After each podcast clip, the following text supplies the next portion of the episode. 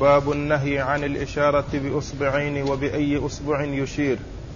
وقال أخبرنا محمد بن بشار قال حدثنا صفوان بن عيسى قال حدثنا ابن عجلان عن القعقاع عن أبي صالح عن أبي هريرة رضي الله عنه أنه قال إن رجلا كان يدعو بأصبعيه. فقال رسول الله صلى الله عليه وسلم أحد أحد. بسم الله الرحمن الرحيم. الحمد لله رب العالمين وصلى الله وسلم وبارك على عبده ورسوله نبينا محمد وعلى آله وأصحابه أجمعين. أما بعد يقول النسائي رحمه الله باب النهي عن الإشارة بأصبعين أو عن الإشارة؟ نعم عن الإشارة بأصبعين. عن الإشارة بأصبعين وبأي وبأي إصبع يشير. المقصود من هذه الترجمة أن المصلي في تشهده عندما يقبض الخنصر والبنصر ويحلق الإبهام مع الوسطى ويشير في تشهده فإنه يشير بإصبع واحدة وهي السبابة ولا ولا يشير بأصابع أخرى غير أصبع السبابة السبابة من اليمنى. هذا هو الذي هو المقصود من الترجمة. النهي عن الإشارة بأصبعين وبأي أصبع يشير. أي أنه يشير بإصبع واحدة هي السبابة من اليد اليمنى ولا يجوز له أن يشير بغيرها وإنما الإشارة بها وحدها. أورد النسائي حديث أبي هريرة رضي الله تعالى عنه أن النبي عليه الصلاة والسلام رأى رجلا يشير ب آه كان يدعو بإصبعيه يشير أن رجلا كان يدعو بإصبعيه. أن رجلا كان يدعو بأصبعيه. يعني أنه يشير بأصبعيه عند الدعاء. فالنبي عليه الصلاة والسلام قال له أحد أحد. أي أشر بإصبع واحدة لأنك تدعو تدعو الله وحده لا شريك له. فهو يدعو إلها واحدا فيشير بإصبع واحدة إشارة إلى إلى إلى إلى هذا الإله الواحد الحق وهو الله سبحانه وتعالى. قوله أحد أحد يعني أمر بأن آه، يستعمل إصبعا واحدة والثانية تأكيد للأولى. يعني آه، أحد الثانية هي تأكيد للأولى أي بأنه يشير بإصبع واحدة لا يشير بأكثر منها. وذلك أنه آه، يشير إلى إله واحد ويعبد إلها واحدا فالإصبع فالإصبع فالإصبع التي يشار بها يجب أن تكون واحدة لا تكون أكثر منها.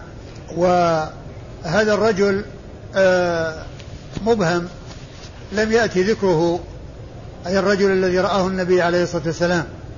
والحديث الثاني قد يكون بيانا له وأن المراد به سعد بن أبي وقاص رضي الله عنه حيث أنه قال إنه رآه النبي صلى الله عليه وسلم وهو يشير بأصابعه فقال له النبي صلى الله عليه وسلم أحد أحد فيحتمل أن يكون هو المراد.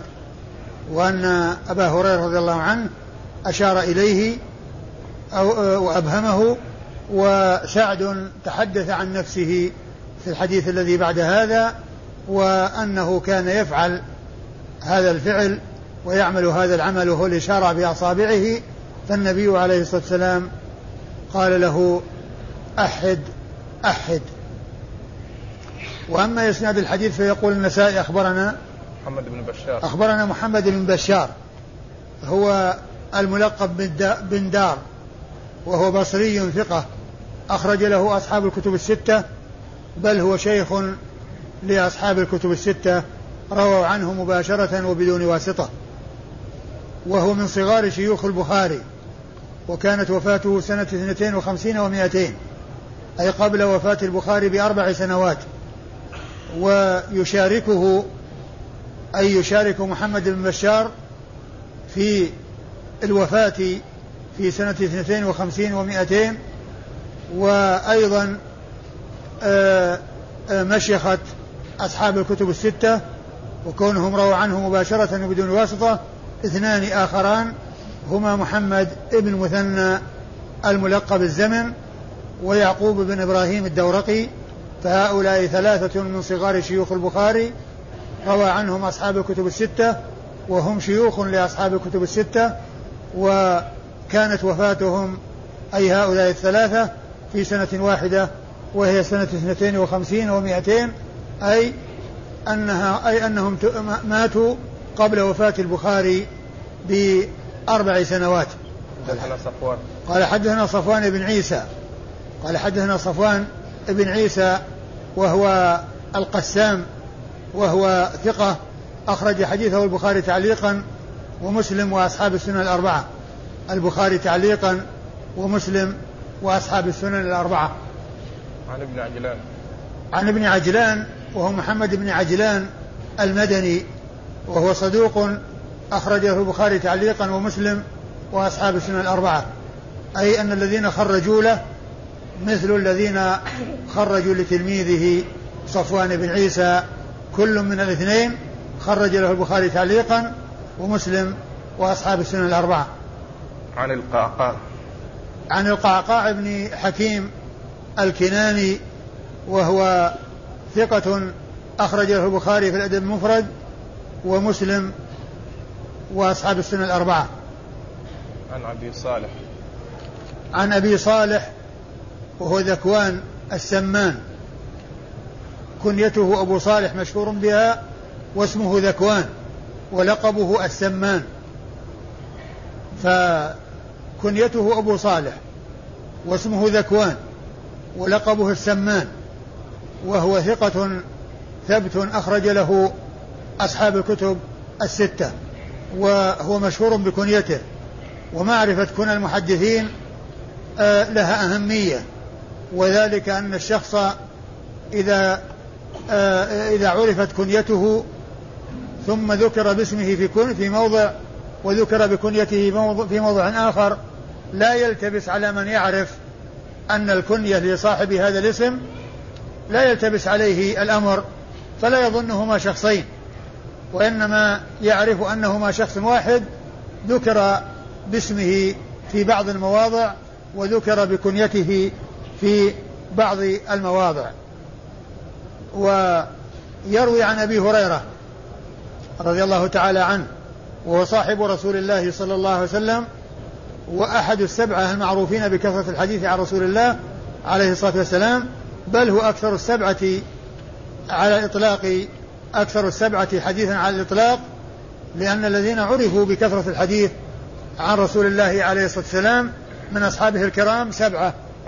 هم أبو هريرة وعبد الله بن عمر وأنس بن مالك وسعيد وأبو سعيد الخدري وجابر بن عبد الله الأنصاري و عبد الله بن عباس. وعبد الله بن عباس وعائشة أم المؤمنين رضي الله تعالى عنها وأرضاها. فهؤلاء سبعة عرفوا بكثرة الحديث عن رسول الله صلى الله عليه وسلم وقد جمعهم السيوطي في ألفية بقوله والمكثرون في رواية الأثر أبو هريرة يليه بن عمر وأنس والبحر كالخدري وجابر وزوجة النبي. وأبو هريرة رضي الله عنه هو أكثر هؤلاء السبعة حديثا على الإطلاق وهو عبد الرحمن بن صخر الدوسي صاحب رسول الله صلى الله عليه وسلم ورضي الله تعالى عنه وأرضاه. وهذا الإسناد آه فيه آه آه أبو هريرة وأبو صالح ومحمد بن عجلان هؤلاء مدنيون. أيوه.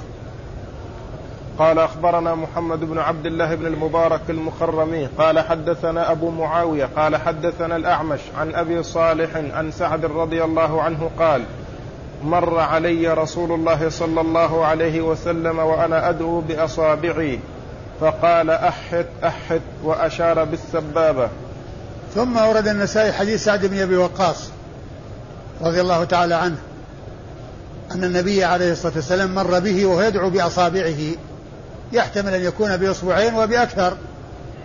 والإصبعان آه، يطلق آه، لفظ الجمع عليهما لأن المثنى المثنى قد يطلق عليه لفظ الجمع وجاء ذلك في القرآن الكريم. يقول الله عز وجل إن تتوبا إلى الله فقد صغت قلوبكما. فإن المراد به امرأتان وقد ذكرت قلوبهما بالتثنية. ذكرت القلوب بالتثنية وهما قلبان. فذكر القلبان بصيغة الجمع وكذلك أيضا بالنسبة للضمائر قد يأتي لفظ الجمع يراد به الاثنين كما قال الله عز وجل وداود وسليمان إذ يحكمان بالحرث إذ نفشت فيه غنم القوم وكنا لحكمهم شاهدين. وهما اثنان فإن لفظ الجمع يطلق على الاثنين. وأقل الجمع أقل الجمع يعني في اللغة العربية يعني يطلق على الاثنين وأما عند النحاة فإن أقل الجمع ثلاثة لأنه مفرد ومثنى وجمع. فأقل الجمع عند عند النحاة ثلاثة وأقل الجمع في اللغة اثنان. وكذلك عند الفقهاء وقد جاء في القرآن الكريم إطلاق لفظ الجمع على الاثنين كما في المثالين من القرآن الذي ذكرتهما وكذلك إطلاق لفظ الإخوة في المواريث. فإن كان له إخوة فلأمه السدس. فإن المقصود من ذلك أن اثنان أن اثنين من الإخوة يحجبان الأم من الثلث إلى السدس. فإن لفظ إخوة لفظ جمع ويطلق على الاثنين. وكذلك عند الفقهاء يطلق الجمع على الاثنين. ولهذا يقول الجماعة أقلها اثنان إمام ومأموم. الجماعة أقلها اثنان إمام ومأموم. فقوله يقول بأصابع الحديث هذا الحديث قد يكون هو مفسر أو معين المبهم في حديث أبي هريرة.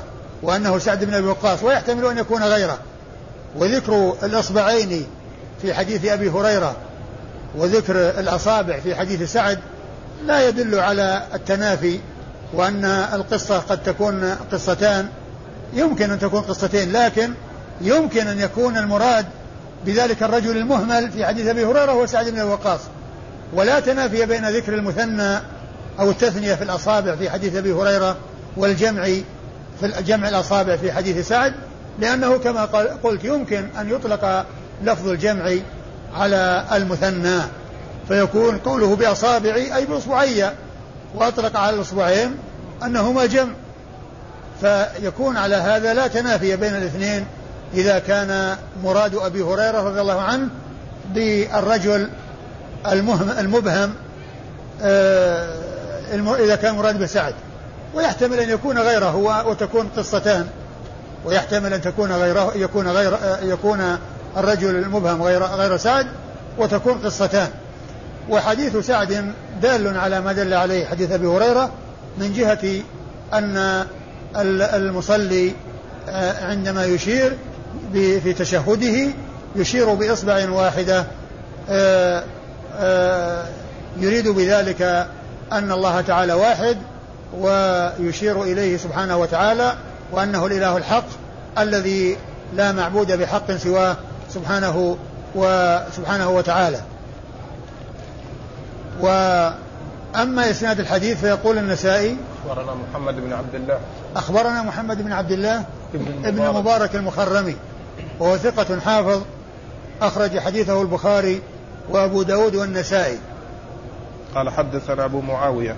قال حدثنا أبو معاوية وأبو معاوية هو محمد بن خازم الكوفي وهو ثقة هو أثبت الناس في حديث أحفظ الناس هو أحفظ الناس لحديث الأعمش وهو هنا يروي عن الأعمش وهو مشهور بكنيته أبو معاوية واسمه محمد بن خازم محمد ابن خازم كنيته أبو معاوية وهو مشهور بها.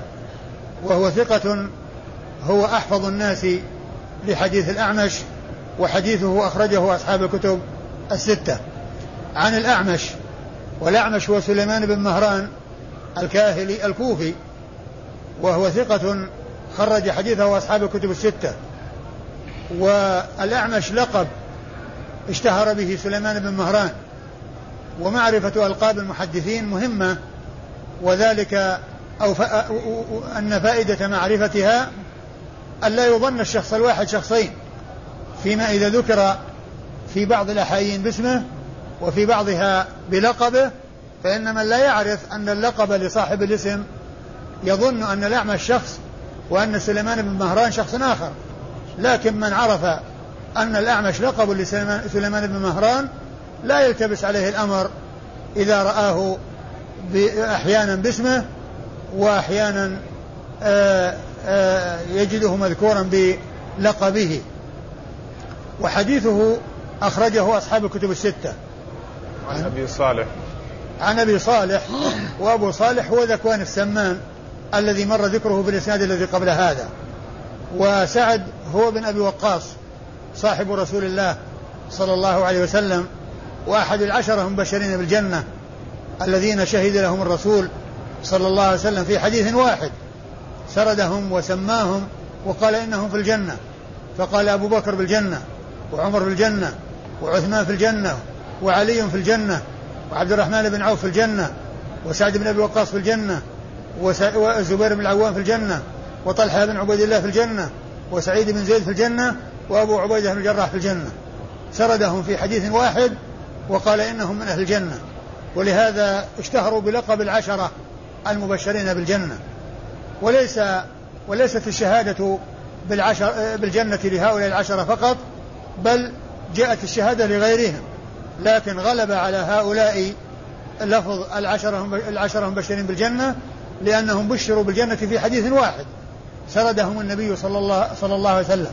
وإلا فإنه قد شهد لآخرين كما شهد لبلال وشهد للحسن والحسين وشهد آه، لثابت بن قيس بن شماس ولعكاشة بن محصن ولعدد كبير من أصحاب رسول الله صلى الله عليه وسلم ورضي الله عنهم وأرضاهم جاء جاءت الأحاديث بالشهادة بالجنة لعدد منهم. لكن هؤلاء غلب عليهم هذا الوصف اللي هو العشرة لأنهم آه، لأن النبي عليه الصلاة والسلام سردهم في حديث واحد وبشرهم بالجنة.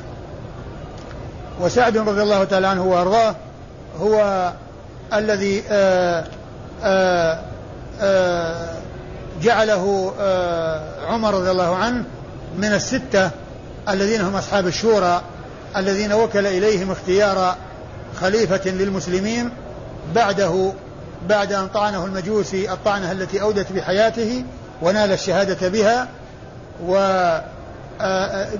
الأمر إلى ستة منهم سعد بن أبي وقاص.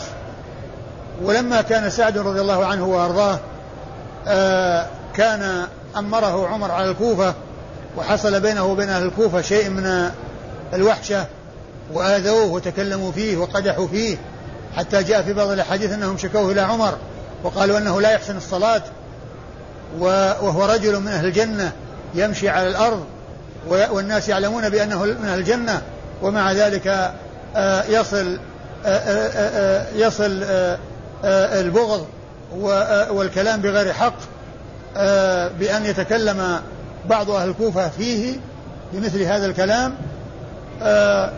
لكن عمر رضي الله عنه وأرضاه لم ينس أن ينبه إلى فضله بعد أن اختاره وجعله من الستة فخشي أن ينظر إلى الماضي وأن يقال كيف يعزله عمر من الكوفة ويتولى الخلافة.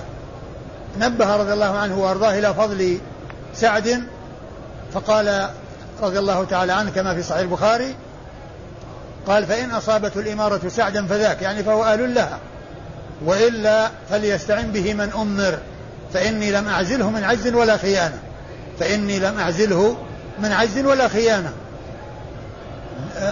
أشار رضي الله تعالى عنه وأرضاه إلى إلى أن العزل, العزل لم يكن لسبب عجز ولا خيانة وإنما كان سببه ما خشيه من الفتنة وأنه قد يتعد يعتدي عليه بعض السفهاء فينالون منه ويصيبه مضرة بسبب ذلك فرأى من المصلحة أن يعزله لكنه لم ينسى أن ينبه إلى فضله وإلى أنه أهل للخلافة إن اختير لها وأيضا كذلك أهل لأن يستشار إن لم يتم اختياره للخلافة وهذا من آه من آه فضل عمر رضي الله عنه وحكمته وإنصافه ومعرفته الفضل لأهل الفضل فإنه قال فإني لم أعزله من عجز ولا خيانة لأن العجز والخيانة هما السبب الذي ينبغي أن يتم العزل بسببه لأن العجز يترتب عليه الفوضى وانفلات الأمور. وإن كان الرجل طيبا وصالحا لكنه إذا كان ضعيفا آآ آآ تنفلت منه الأمور فهو لا يصلح للولاية. وكذلك لو كان قويا وحازما ولكنه خائن وليس بأمين لا يصلح للولاية. بل من الأمور التي تلاحظ في الوالي الذي يولى ويختار الولاية أن يكون قويا أمينا. وخلاف ذلك أن يكون خائنا عاجزا. العجز والخيانة ضد القوة والأمانة. وقد قالت إحدى المرأتين ابنتي الرجل الصالح في سورة القصص يا أبت استأجره إن خير من استأجرت القوي الأمين. إن خير من استأجرت القوي الأمين. فسعد رضي الله عنه وأرضاه قوي أمين وليس بخائن ولا عاجز ولكن عمر رضي الله عنه عزله عن الكوفة لما جرى من شدة الوحشة التي جرت بينه وبينهم حتى وصل بهم الأمر إلى أن قالوا إنه لا يحسن الصلاة وأنه لا يحسن يصلي مع أن الجميع يعلمون بأنه من أهل الجنة. ولكن هكذا يفعل الحقد إذا ملأ النفوس يجعل بعض آآ آآ الذين لا يوفقون للصواب يتكلمون بغير الحق.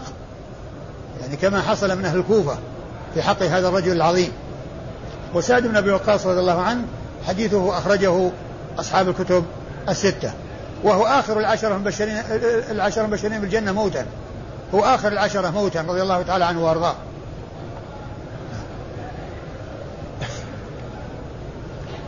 قال باب إحناء السبابة في الإشارة. وقال أخبرني أحمد بن يحيى الصوفي قال أخبرنا أبو نعيم قال حدثنا عصام بن قدامة الجدلي قال حدثني مالك بن نوير الخزاعي من أهل البصرة أن أباه حدثه أنه رضي الله عنه رأى رسول الله صلى الله عليه وسلم قاعدا في الصلاة واضعا ذراعه اليمنى على فخذه اليمنى رافعا أصبعه السبابة. قد أحناها شيئا وهو يدعو. ثم ورد النسائي هذه الترجمة وهي إحناء السبابة في التشهد. ما بالتشهد إحناء. قال باب إحناء السبابة في الإشارة. باب إحناء السبابة في الإشارة. يعني عند الإشارة. ال ال المقصود بالإحناء هو الإمالة.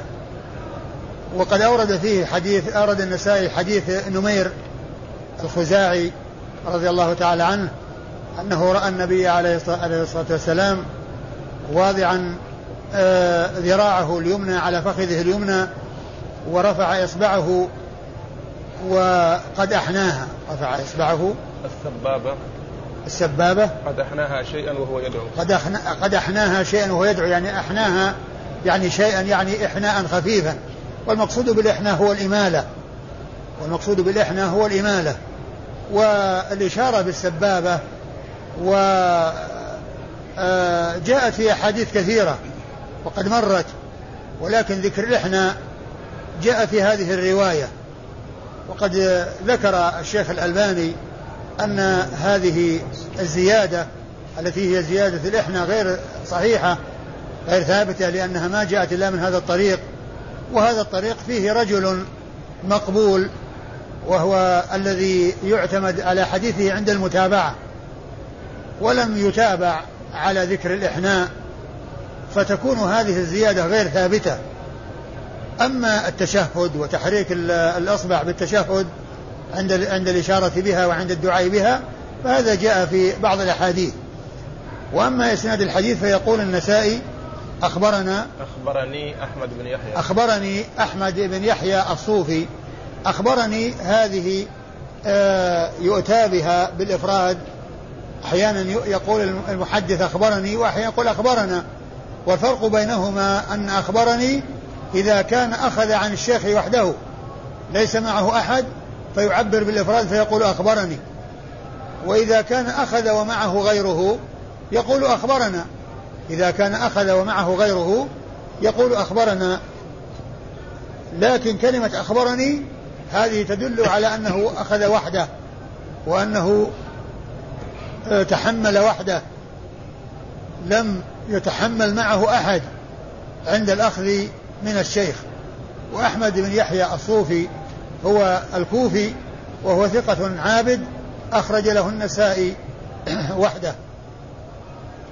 قال أخبرنا أبو نعيم. أخبرنا أبو نعيم وهو الفضل بن دكين.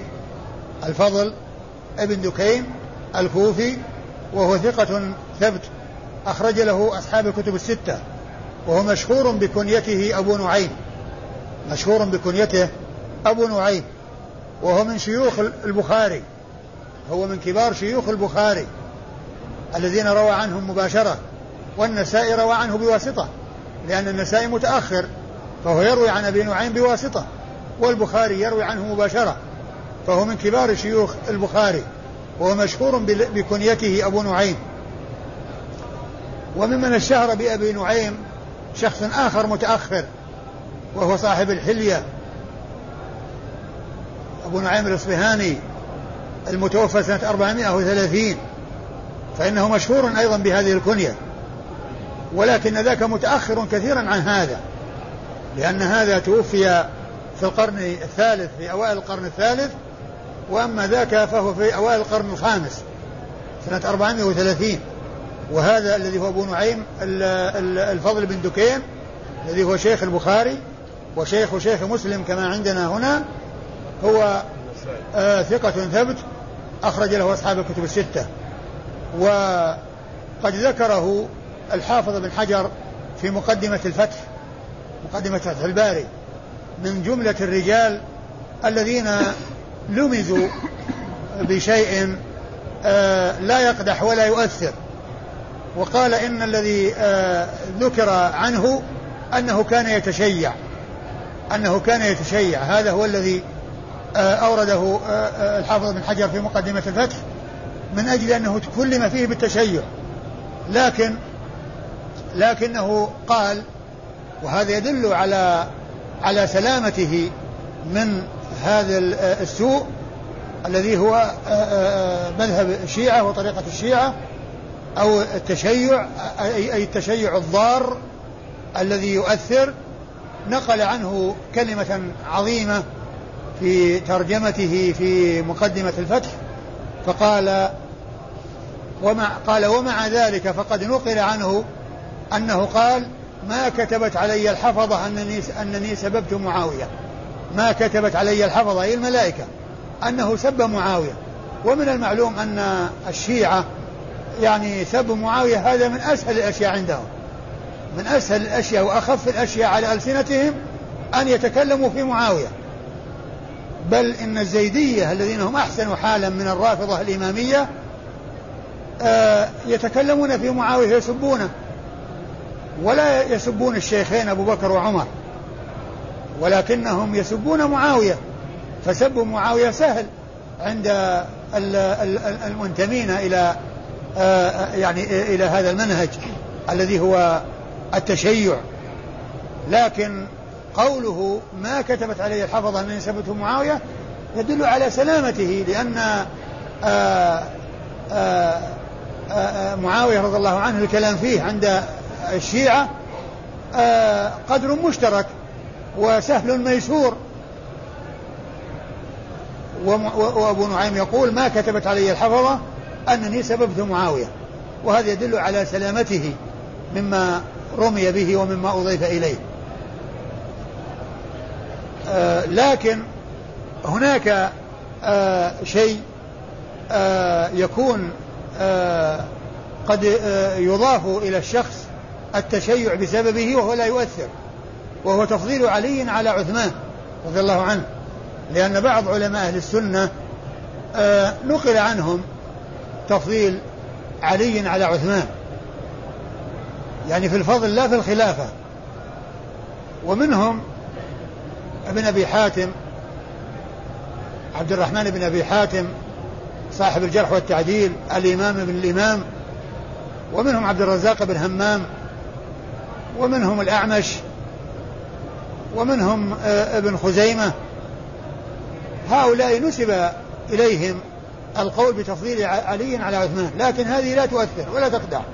ولهذا ذكر الشيخ الإسلام ابن تيمية في آخر العقيدة الواسطية أن تفضيل علي على معا... على عثمان قال به جماعة من أهل السنة ولا يبدع من قال بذلك وإنما الذي يبدع به القول بتفضيله عليه بالخلافة. وأن عليا أولى بالخلافة من عثمان لأن من قال ذلك فإنه فيه يعترض على عمل الصحابة الذين قدموا عثمان على علي رضي الله تعالى عنه. وإذا فالتشيع قد يضاف إلى بعض الأشخاص بسبب هذا ومن المعلوم أن مثل ذلك لا يؤثر. أيوة. قال حدثنا عصام بن قدامة قال حدثنا عصام؟ ابن قدامة الجدلي. عصام بن قدامة الجدلي وهو صدوق أخرج له أبو داود والنسائي وابن ماجه. قال حدثنا مالك بن نمير. قال حدثنا مالك بن نمير الخزاعي البصري وهو مقبول أخرج له أبو داود والنسائي وابن ماجه أيضا يعني مثل الذين خرجوا لعصام ابن قدامة الجدلي. الاثنان كل منهما خرج له أبو داود والنسائي وابن ماجه. عن أبيه. عن أبيه نمير الخزاعي صاحب رسول الله عليه الصلاة والسلام وحديثه أخرجه أبو داود والنسائي وابن ماجه. قال موضع البصر عند الإشارة وتحريك السبابة. وقال أخبرنا يعقوب بن إبراهيم قال حدثني يحيى عن ابن عجلان عن عامر بن عبد الله بن الزبير عن أبيه رضي الله عنه أن رسول الله صلى الله عليه وسلم كان إذا قعد في التشهد وضع كفه اليسرى على فخذه اليسرى وأشار بالسبابة لا يجاوز بصره إشارته. ثم أورد النسائي هذه الترجمة وهي وهي موضع البصر عند الإشارة وتحريك السبابة. موضع موضع البصر عند الإشارة وتحريك السبابة أي في التشهد. وهو أنه يكون إلى السبابة. وأورد فيه حديث آه، عبد الله بن الزبير. حديث حديث عبد الله بن الزبير رضي الله تعالى عنهما أن النبي عليه الصلاة والسلام إذا قعد في التشهد آه، أشار بإصبعه السبابة آه، لا يجاوزها بصره. يدعو بها؟ قال كان إذا قعد في التشهد وضع كفه اليسرى على فخذه اليسرى وأشار بالسبابة لا يجاوز بصره إشارته. وأشار بالسبابة أي يعني سبابة من اليمنى لا يجاوز بصره آه، إشارته. يعني أنه يشير إلى إصبعه عندما يشير بها ينظر إلى إصبعه عندما يشير بها. وإسناد الحديث يقول النسائي أخبرنا يعقوب بن إبراهيم. أخبرنا؟ يعقوب بن إبراهيم. أخبرنا يعقوب بن إبراهيم الدورقي. وهو ثقة أخرج له أصحاب الكتب الستة بل هو شيخ لأصحاب الكتب الستة روى عنه مباشرة وبدون واسطة. وهو الذي ذكرت آنفا أن أن وفاته آه، سنة 52 و200 وأنه مثل محمد بن بشار ومحمد المثنى في أن الثلاثة ماتوا في سنة واحدة وأن كل وأن كل واحد منهم شيخ لأصحاب الكتب الستة. قال حدثني يحيى. قال حدثني يحيى وهو بن سعيد القطان. يحيى بن سعيد القطان المحدث الناقد الثقة البصري وحديثه أخرجه أصحاب الكتب الستة. عن ابن عجلان. عن ابن عجلان وقد مر ذكره. عن عامر بن عبد الله بن الزبير. عن عامر بن عبد الله بن الزبير وهو ثقة أخرج حديثه أصحاب الكتب الستة. عن أبيه عبد الله بن الزبير بن العوام صاحب رسول الله عليه الصلاة والسلام ورضي الله تعالى عنه وعن أبيه وعن الصحابة أجمعين. وعبد الله بن الزبير هو أحد العبادلة الأربعة من الصحابة الذين هم من صغار الصحابة.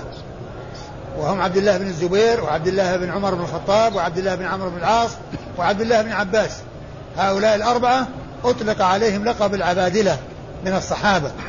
فإذا جاء في مسألة قيل فيها قال بها العبادلة الأربعة. فإن المراد بها هؤلاء الأربعة الذين هم من صغار أصحاب رسول الله عليه الصلاة والسلام.